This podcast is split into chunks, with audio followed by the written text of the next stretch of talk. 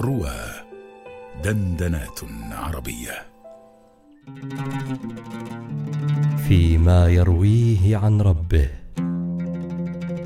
مع إسراء جلبط على رواه.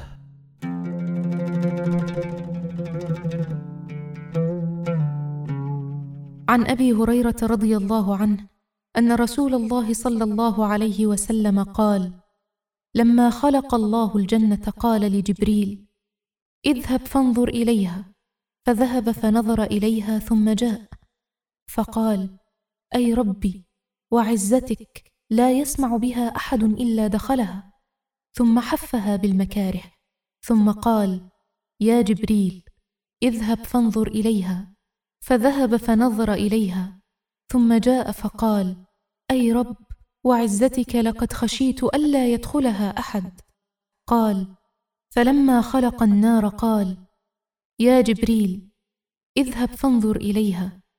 فذهب فنظر إليها ثم جاء فقال أي رب وعزتك لا يسمع بها أحد فيدخلها. فحفها بالشهوات ثم قال يا جبريل اذهب فانظر إليها. فذهب إليها ثم جاء فقال أي رب وعزتك لقد خشيت ألا يبقى أحد إلا دخلها.